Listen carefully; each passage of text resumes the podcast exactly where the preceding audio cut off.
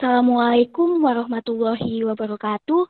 Halo kawan-kawan, selamat datang kembali di podcast di Share, podcast milik Lembaga Kajian Hukum dan Sosial Universitas Jenderal Sudirman.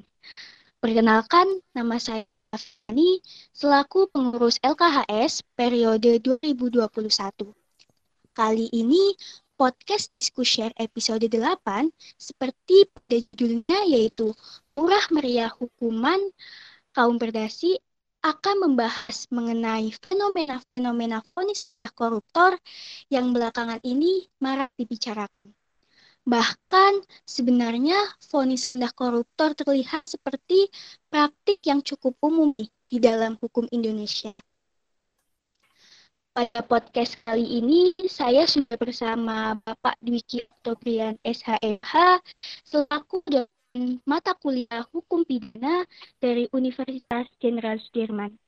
Halo Bapak, selamat malam. Bagaimana kabarnya Bapak? Malam juga, baik nih. Teman-teman LKS, Bapak. baik semua kabarnya? Alhamdulillah Bapak, sehat, baik semua. Oke. Uh, baik Bapak, seperti yang kita ketahui bahwa selama pandemi ini banyak sekali pejabat-pejabat publik yang terjerat kasus korupsi.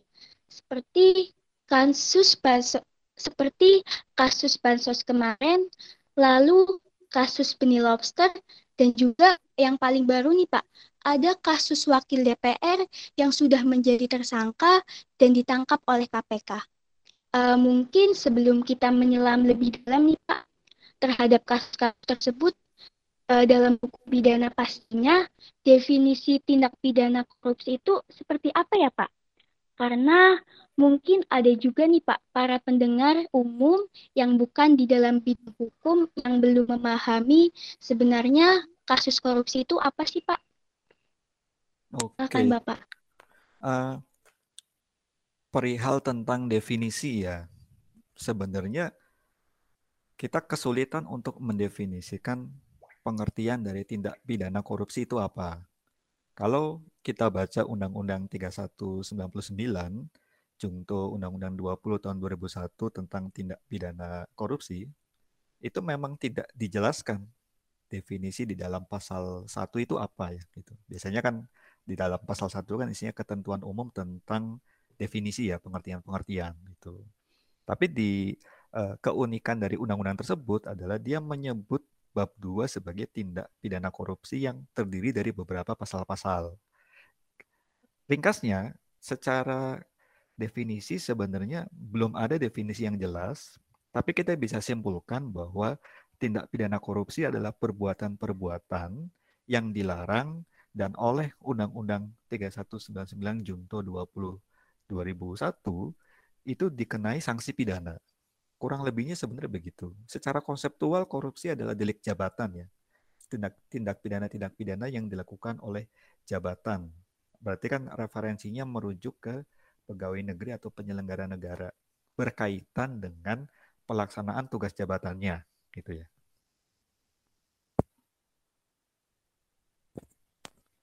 Oke, baik Bapak. Uh, terima kasih atas jawabannya. Kemudian uh, saya ingin bertanya Bapak, sebenarnya bagaimana landasan hukum mengenai tindak pidana korupsi di Indonesia nih Pak? Dan apakah dalam pelaksanaan sudah dilaksanakan dengan baik atau mungkin banyak hal yang perlu kita perbaiki? Oke, uh, saya mencoba mengambil uh, teorinya dari Friedman ya bahwa sistem hukum itu terdiri dari substansi, kemudian struktur dan kultur itu.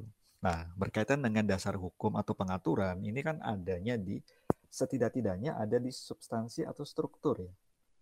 Uh, perihal substansi tadi sudah disinggung di Undang-Undang 30 uh, 199 20 2001 kalau saya tidak keliru itu yang merancang Prof. Ya, kalau saya tidak keliru gitu. Nah, Prof. Sendiri menyatakan bahwa undang-undang korupsi kita itu undang-undang yang paling keras se-ASEAN. Gitu. Uh, indikatornya apa? Ada uh, penjatuhan pidana mati. Yang jadi persoalannya adalah meskipun undang-undang itu sekilas nampak bagus, tapi nampaknya belum sanggup untuk memenuhi ekspektasi masyarakat. Ya. Kita di Indonesia itu biasanya kalau mendengar korupsi, beberapa isu yang menjadi ekspektasi adalah penjatuhan pidana mati. Ya. Ini terlepas dari apakah kita setuju atau tidak dengan keberadaan pidana mati ya, tapi banyak yang mengharapkan ada pidana mati di Indonesia untuk kasus-kasus korupsi. Menjadi persoalannya adalah regulasi di kita justru ada cacat yuridis di dalam undang-undang tipikornya gitu. Kita akan sangat kesulitan mencari bukan sangat kesulitan lagi, memang tidak pernah ada kasus di Indonesia tentang korupsi yang dituntut uh, pidana mati ya gitu. Maksud saya begini, bahwa ada media yang memberitakan orang pelaku tersebut berpotensi diancam pidana mati, pasti ada kan begitu. Sejak kasus Juliari kan banyak banyak pers yang mengatakan bahwa akan dituntut uh, pidana mati. Bahkan ketua KPK sendiri Firly pernah mengatakan bahwa itu bisa dituntut pidana mati. Tapi secara teknis judicial nggak ada tuh penuntut umum yang mengajukan tuntutan pidana mati. Sehingga pertanyaannya adalah sebenarnya uh, se seefektif apa sih undang-undang kita untuk menghukum pidana mati?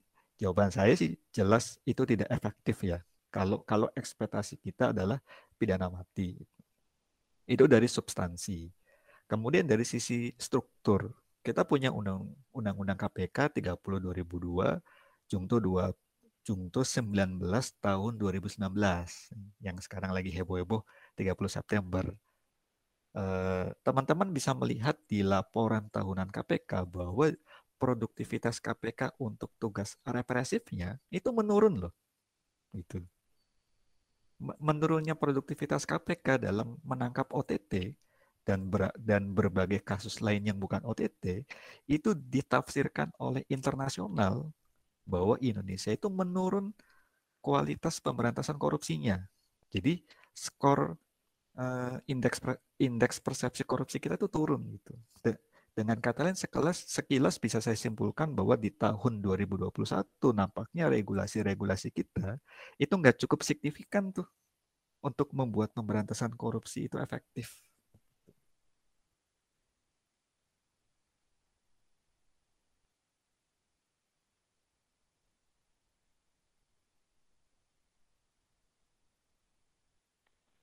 Uh, jadi pada kesimpulannya uh, penegakan hukum di Indonesia ini belum efektif, gitu ya, Pak? Iya, uh, nggak nggak cuma soal penegakan hukumnya ya, regulasinya juga tidak tidak begitu efektif. Gitu. Uh, tadi saya mengatakannya bahwa uh, penuntut umum dalam prakteknya nggak pernah itu menjatuhkan pidana mati. Linearnya tidak ada hakim juga yang menjatuhkan pidana mati. Itu kan dalam konteks praktek penegakan hukum ya gitu. Kemudian eh, praktek itu kan muncul dipengaruhi oleh regulasi yang ada. Dan regulasi yang ada itu tidak memungkinkan seseorang dituntut pidana mati. Semisal di penjelasan pasal 2 di Undang-Undang 20 tahun 2001, syarat korup syarat tindak pidana memperkaya diri sendiri secara melawan hukum yang merugikan kekaya, uh, keuangan negara itu dia salah satu di antaranya adalah dilakukan pada saat bencana alam. Nah, siapa yang menentukan terjadi bencana alam? Itu. Sekarang COVID kategorinya bencana non alam sebagaimana saya lupa uh, Kepres 12 tahun 2020 itu. Jadi ya tidak ada tidak ada kasus korupsi uh, COVID yang bisa dituntut pidana mati. Gitu. Ini terlepas dari apakah uh, pidana mati uh, banyak studi yang menjelaskan bahwa sebenarnya tidak ada relevansinya antara pidana mati dengan menurunnya tingkat kejahatan. Gitu. Tapi dalam hukum itu kan ada ekspektasi ya, ada ada pengharapan uh, hukum pidana itu dibuat supaya orang-orang itu nggak main hakim sendiri. Gitu. Jadi memang kesimpulannya baik secara uh, normatifnya dan secara penegakan hukum nampaknya banyak persoalan gitu di dalam uh, pemberantasan tipikor di Indonesia.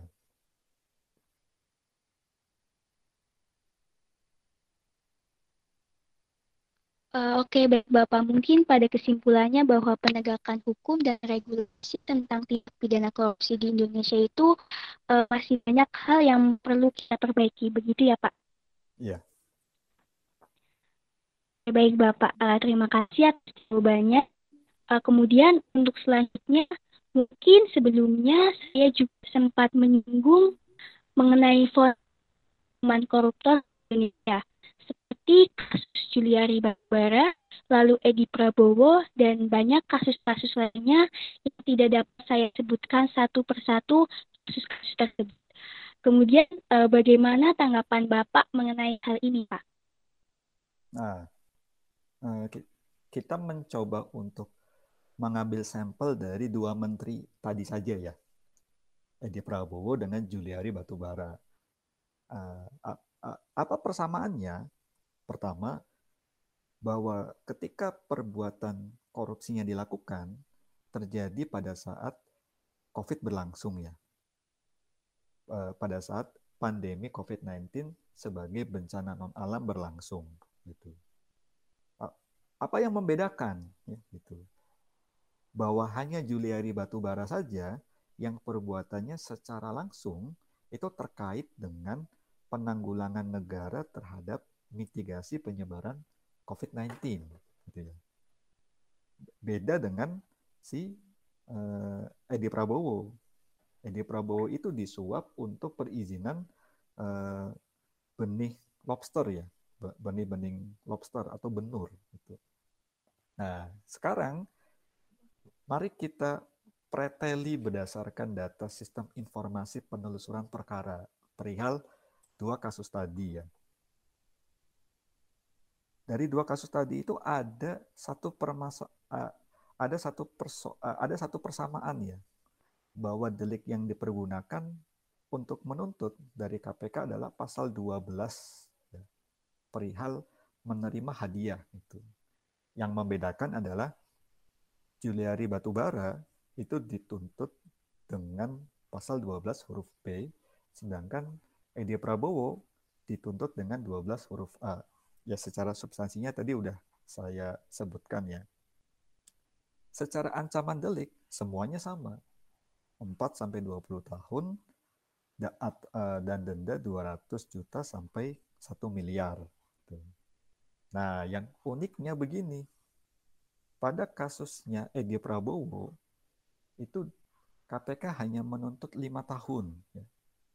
Lima tahun penjara, dendanya 400 juta, dan uang penggantinya 9,6 miliar dan 77 ribu US dollar. Dan terakhir, pencabutan hak politik 4 tahun. Lantas kemudian, apa yang diputus oleh hakim? Semuanya dikabulkan kecuali hak politik. Hak politiknya itu turun dari tuntutannya 4 tahun ke 3 tahun. Itu. Hakimnya menjatuhkan lima tahun. Gitu ya. Nah, apakah lima tahun itu sesuatu yang sifatnya ringan, gitu, atau mungkin terlalu ringan? Karena pada saat yang tidak jauh dari kasus itu, Juliari Batubara ditangkap KPK dengan dengan dituntut 11 tahun penjara. Sedangkan Edi Prabowo hanya lima ya gitu. Saya sebut lima karena jika dibandingkan dengan Juliari Batubara, ada selisih enam tahun. Gitu. Nah, selisih enam tahun ini yang kemudian dipersoalkan untuk dua hal. Pertama, mengapa itu berbeda? Dan yang kedua, mengapa Juliari Batubara yang sangat terkait langsung dengan uh, penanganan COVID itu hanya dihukum 11 tahun penjara gitu. Nah, tentu jawabannya hanya hanya yang bisa menjawab adalah penuntut umum dari Komisi Pemberantasan Korupsi ya. Gitu. Saya berusaha untuk melihat uh, direktori putusan Mahkamah Agung, rupanya kedua perkara tersebut salinan putusannya belum dipublis. Ya. Jadi saya belum bisa uh, menjelaskan dengan lebih detail uh, apa sih fakta-fakta hukum yang ada begitu. Tapi pers kita merekor beberapa hal menarik perihal hal yang meringankan dan hal yang memberatkan. Itu ya. Dan bagian paling menariknya itu ada di kasus Juliari Batubara. Perihal hal yang meringankan berupa uh, bullying yang sudah terjadi. Ya. Uh, kalau saya melihat dari apa namanya artikel online ya, bahwa kurang lebih kalimatnya begini. Selam, eh, terdakwa telah difonis oleh masyarakat telah bersalah. Ya. Padahal secara hukum terdakwa belum tentu bersalah sebelum adanya putusan pengadilan yang berkekuatan hukum tetap. Ya.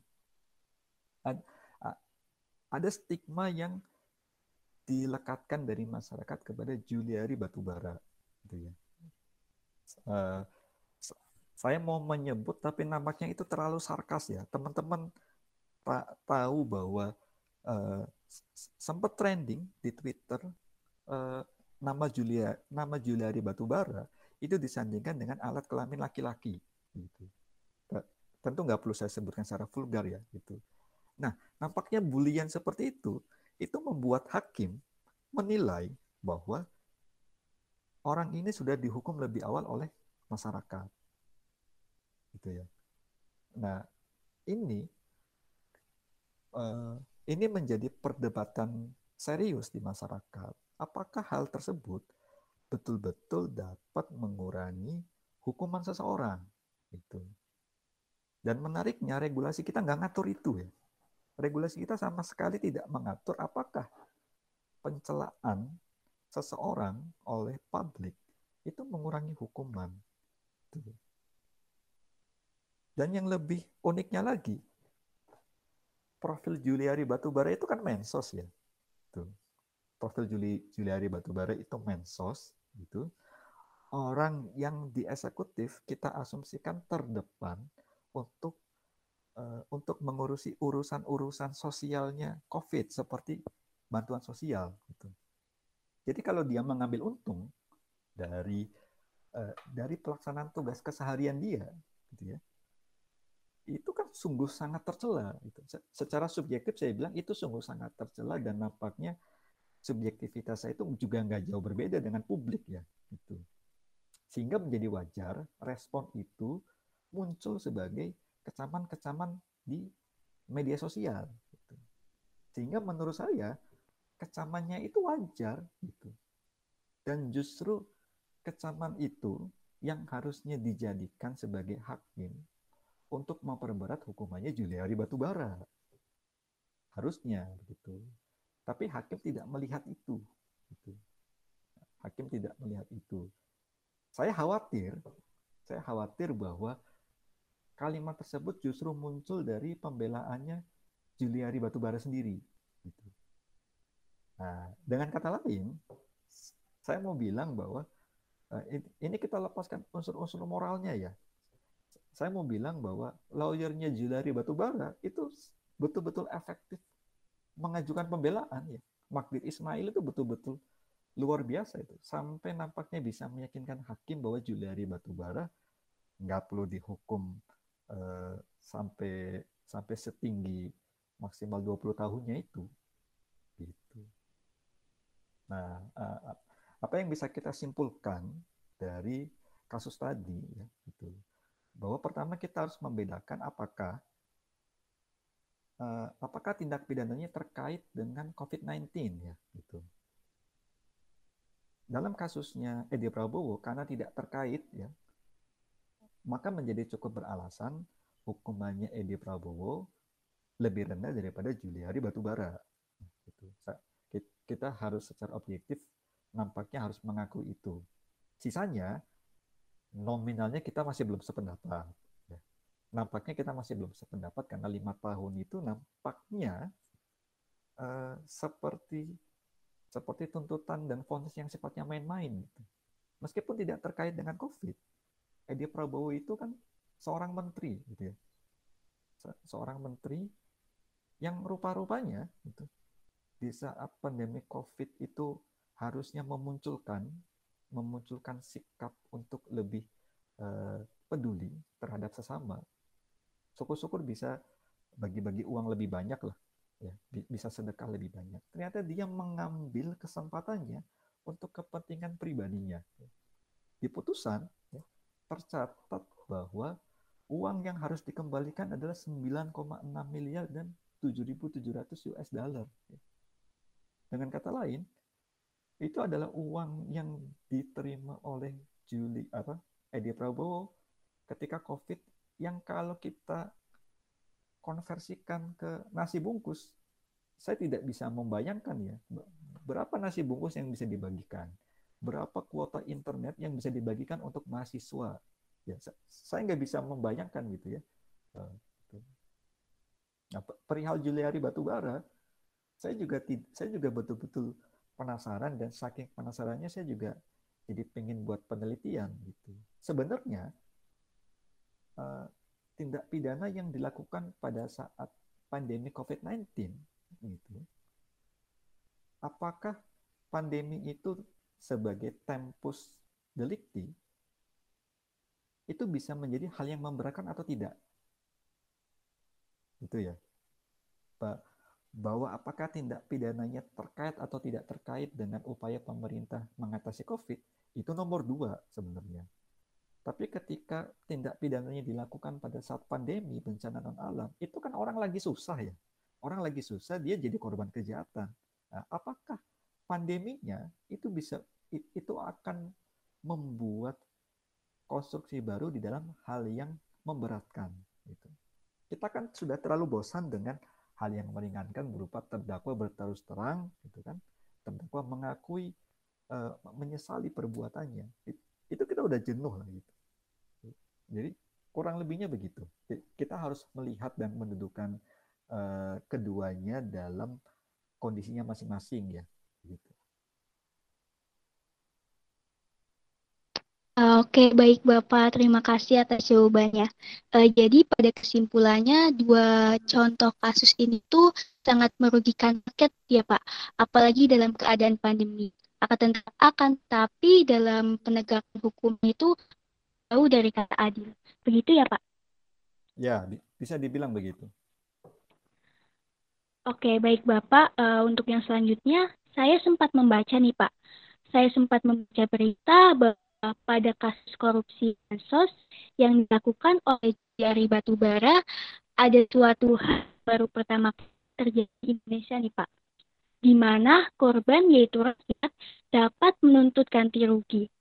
E, bagaimana pendapat Pak Dwiki mengenai hal ini Pak? Dan apakah jika bisa menuntut ganti rugi, apakah hal ini sudah selaras dengan peraturan hukum yang ada atau bagaimana Bapak? Oke, ini sebenarnya eh, ya boleh lah ya kita sebut menarik gitu bahwa ada tuntutan dari korban ya. Korban ini kan eh, diadvokasi oleh ICW ya, diadvokasi oleh ICW dan profilnya kurang lebih saya lupa antara 17 atau 19 orang itu adalah penerima bansos itu Eh, saya yakin pada saat diajukan gugatan ganti rugi itu bukan atas nama ICW saya. Saya yakin itu bukan atas nama ICW, mungkin atas nama perorangan yang di ICW-nya seperti Kurnia Ramadhani itu. Tapi itu bukan poin ya. Poinnya begini. Bahwa yang diajukan itu itu sesuatu yang sifatnya uh, ada kesan progresif ya kalau kita cermati uh, pemberitaannya, saya agak kesulitan mencari datanya karena rupa-rupanya di sistem informasi penelusuran perkara PN Jakpus, data ini nggak ditemukan. Gitu. Tapi kalau kita telusuri dari berbagai media, rupa-rupanya yang dilakukan oleh rekan-rekan ICW ini adalah mengajukan suatu penetapan pada perkara yang sama dengan perkaranya Juliari Batubara. Begitu yang jadi persoalan pada saat kita melakukan penelusuran SIPP dengan kata kunci Juliari Batubara, gitu ya, penetapan itu tidak muncul gitu. Penetapan perihal eh, ditolaknya itu tidak muncul di sana. Gitu.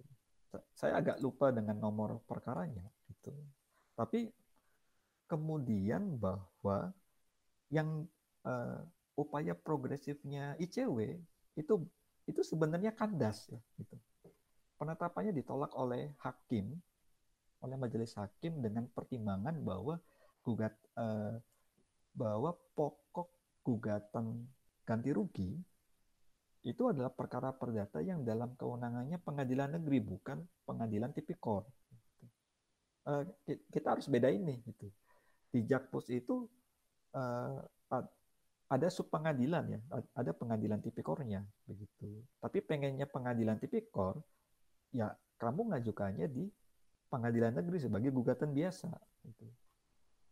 Padahal si Kurnia Ramadhani ini dia menggunakan dasar hukum yang kurang lebihnya itu di pasal 98 KUHAP perihal tuntutan ganti kerugian bagi korban yang diajukan selambat-lambatnya sebelum penuntut umum dalam hal ini KPK mengajukan tuntutan ya.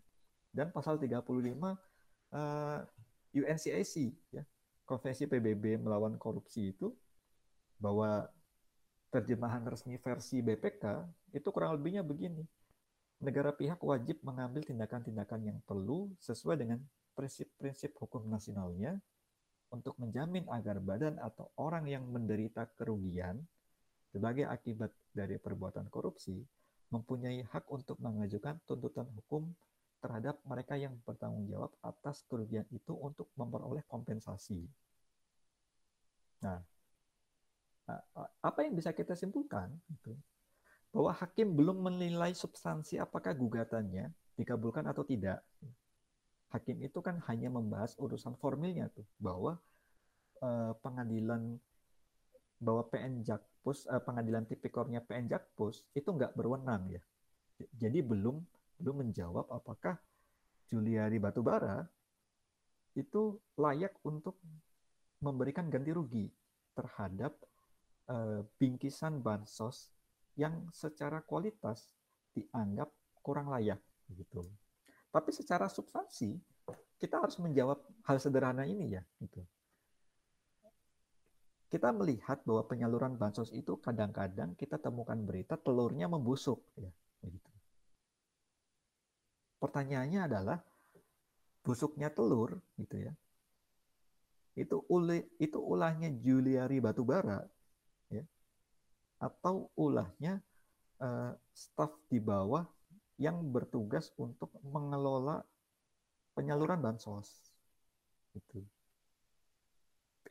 Itu harus dibedakan dan menurut hemat saya itu nggak ada kaitannya dengan Juliari Batubara. Itu. Karena tugas Menteri Sosial itu tidak mem uh, tentu tugas Menteri Sosial adalah menandatangani suatu keputusan bahwa oke bansosnya disalurkan secara tunai atau tidak tunai begitu artinya dia hanya membuka gerbang regulasi begitu menandatangani penganggaran yang uh, yang yang akan dieksekusi begitu. Tapi bagaimana cara mengadakannya? Mengad, uh, bansos itu kan barang tuh. Mengadakan barang ya. Siapa pemenang tendernya? Kemudian siapa yang akan menyediakan uh, sembakonya? Siapa yang akan uh, menyimpan menyimpan sembako supaya ketika dibagikan masih layak itu orang yang berbeda begitu dengan kata lain secara substansi gugatannya itu udah sumir dari awal uh, menurut saya ICW bagian itu tidak tidak progresif dan kalah progresif dari Maki ya dari Boyamin Saimin tuh uh, Masyarakat Anti Korupsi Indonesia. Kalau Maki, dia mengajukan gugatan uh, judicial review ya, eh, constitutional review sebagaimana tercatat dalam Register 98 tahun 2012. Dia menggugat rumusan pasal 80 KUHAP ya, eh, berkaitan dengan pra peradilan ya, gitu. Maki itu pengen supaya pihak ketiga yang berkepentingan itu itu tidak hanya diartikan sebagai uh, apa namanya uh, ringkasnya bahwa pihak ketiga yang berkepentingan itu sudah dapat termasuk atau include dengan LSM. sejak saat itu LSM boleh mengajukan gugatan pra peradilan apabila dia melihat ada penghentian penyidikan atau uh, penghentian penyidikan di dalam kasus-kasus korupsi gitu. Itu jauh lebih berhasil progresifnya menurut saya begitu. Tetapi kita perlu mengapresiasi bagaimana upaya ICW dan teman-teman ini ya gitu. bahwa ada ada ada sesuatu yang hendak dicapai sebagai terobosan hukum perkara itu tidak dikabulkan ya itu nomor dua lah ya perkara itu perkara itu tidak dikabulkan gitu. Tetapi setidak-tidaknya itu bisa menjadi sesuatu yang menjadi referensi menarik bagi perkembangan ilmu hukum pidana. Kurang lebihnya begitu.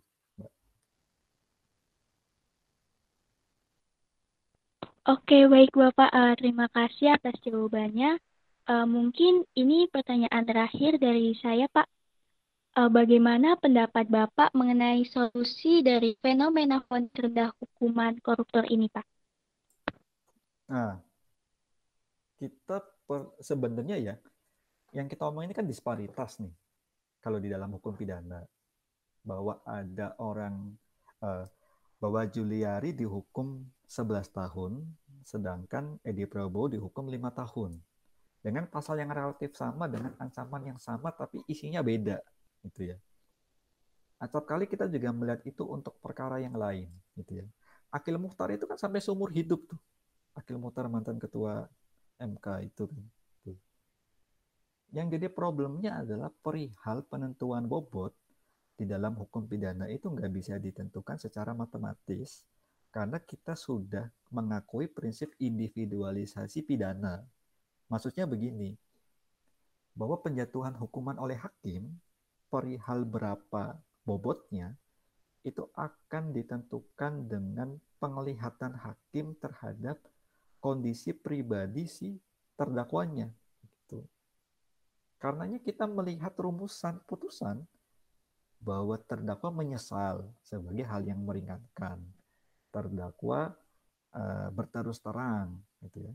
Dalam kasus Juliari Batubara, terdakwa sudah dijatuhi sanksi sosial lebih awal.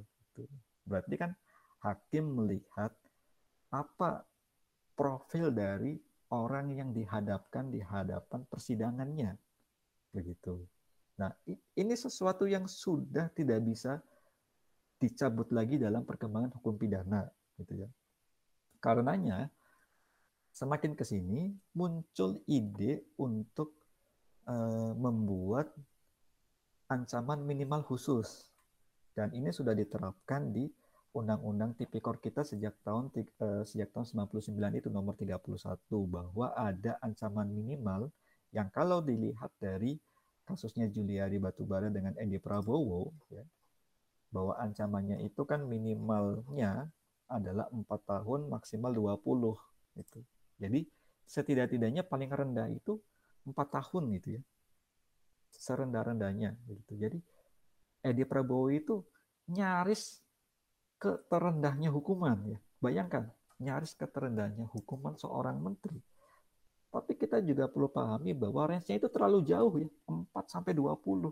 Bayangin, 4 sampai 20 kan ada selisih 16 ya. Ada selisih 16 tahun di dalamnya yang kalau hakim menjatuhkan 5 tahun kan nggak salah gitu. Nah, eh, kemudian hal ini pun yang juga menjadi perbaikan di eh, rancangan KUHP kita.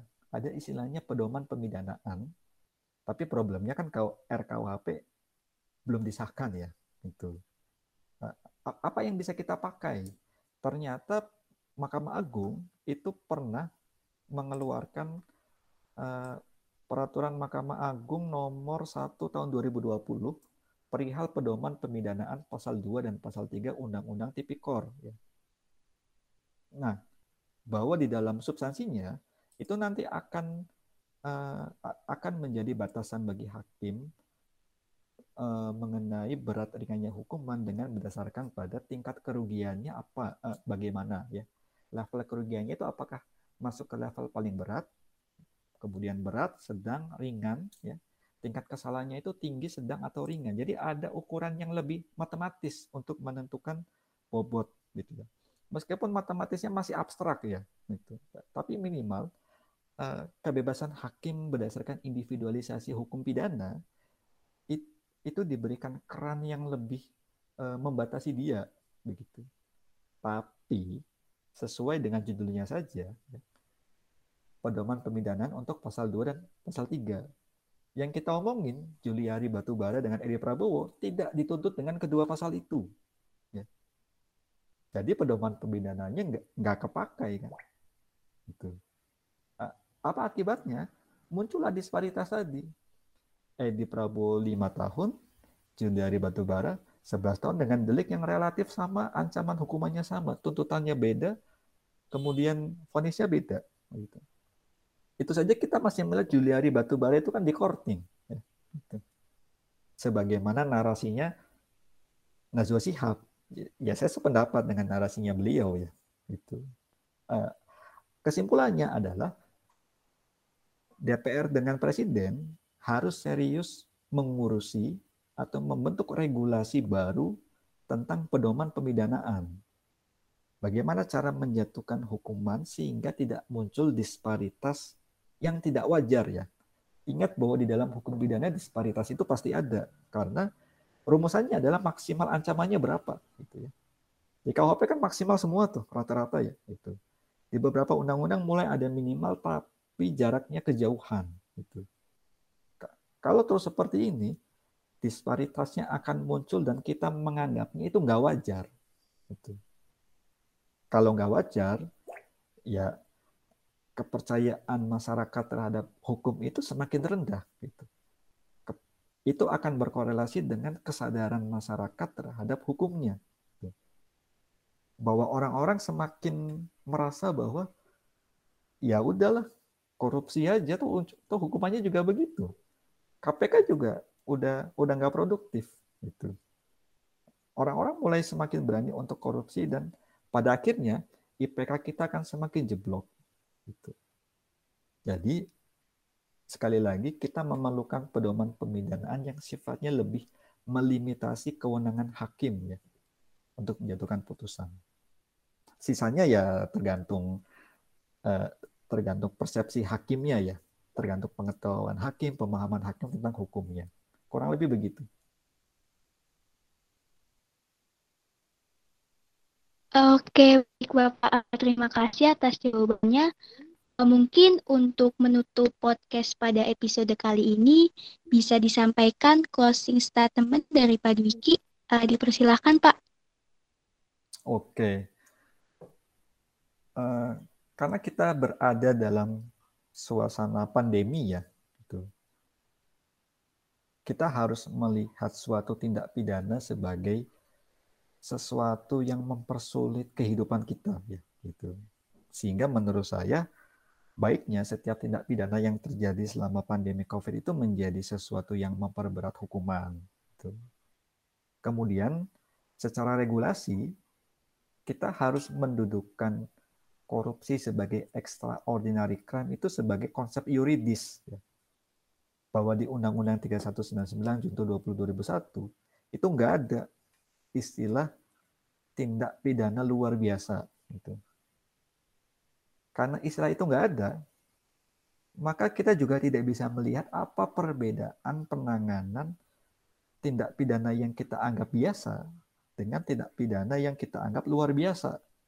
Gitu. Karenanya kita memang betul-betul harus membuat peraturan yang lebih rigid untuk membedakan keduanya kalau kita yakin korupsi itu sebagai extraordinary crime buat saya, kalau kita nggak punya peraturan itu, sebenarnya kita yakin, ya tanpa sadar kita yakin bahwa korupsi itu hanya ordinary crime saja. Tuh. Kurang lebih begitu uh, yang bisa saya uh, simpulkan sebagai closing statement ya. Uh, baik Bapak, uh, terima kasih. Baik kawan-kawan, sekian podcast diskusi pada episode kali ini. Banyak sekali pengetahuan yang kita dapatkan pada kesempatan kali ini.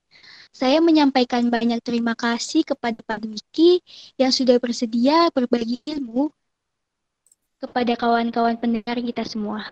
uh, juga kepada kawan-kawan pendengar yang setia mendengarkan episode ini hingga akhir. Uh, jangan lupa kawan-kawan tetap kesehatan di masa pandemi ini, tetap menjaga protokol kesehatan yang ada, dan sampai jumpa di podcast yang selanjutnya. Uh, mungkin kita bisa salam ilmiah bareng-bareng Pak Dwiki? Boleh. Uh, baik Bapak. LKHS. Ya. Salam ilmiah. Salam ilmiah. Wassalamualaikum warahmatullahi wabarakatuh.